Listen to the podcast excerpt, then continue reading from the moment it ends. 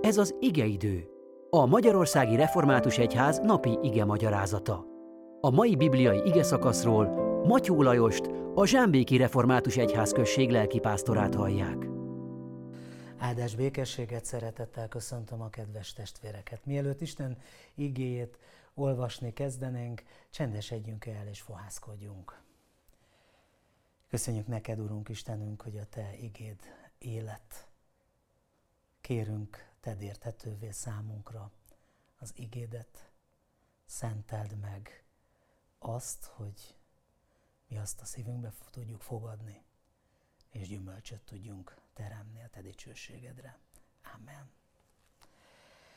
Kedves testvérek, János evangéliuma 8. fejezetének 48-tól az 59. versig terjedő ige a mai napi igénk ennek az elejéből választott verset, olva, verseket olvasok most fel. Azután így szóltak hozzá zsidók. Vajon nem jól mondjuk, hogy samáriai vagy te, és ördög van benned? Jézus így válaszolt. Bennem nincsen ördög. Ellenben én tisztelem az én atyámat, ti mégis gyaláztok engem. Én nem keresem a magam dicsőségét, van, aki keresi, és ő majd ítéletet mond. Bizony, bizony, mondom nektek, ha valaki megtartja az én igémet, nem lát halált soha. Kedves testvérek, az előbbi rész azzal végződött, hogy a zsidók nem hallják meg Jézus szavát azért, mert nem Istentől valók. Azaz nem emelkednek fel az ő gondolatához, hanem a kísértő a sátán törekvését követik. Erre válaszolnak ők azzal, hogy Jézust samáriainak és megszállottnak mondják. Ez a kettős megbélyegzés Jézus tekintélyének és befolyásának tudatos csorbítása akar lenni. Az evangélista is így jegyzi azt le. Mi lehet erre Jézusnak a válasza? Csak az, hogy Jézus egész magatartása az Isten előtti hódolatot fejezi ki. Tehát abból ítélhetik meg őt. Nem a saját dicsőségét és előnyét keresi, hanem az atyát tiszteli. Ellenfelei azzal gyalázzák őt, az atya küldöttét. Mégis.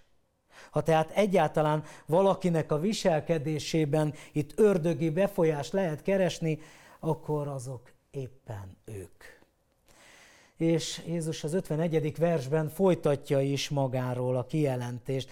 Ezt már azoknak mondja, akik befogadták őt, aki megtartja tanításomat, nem ízleli meg a halált. Ezzel egy előbbi kijelentését ismétli meg, aki hisz ő benne, annak örök élete van.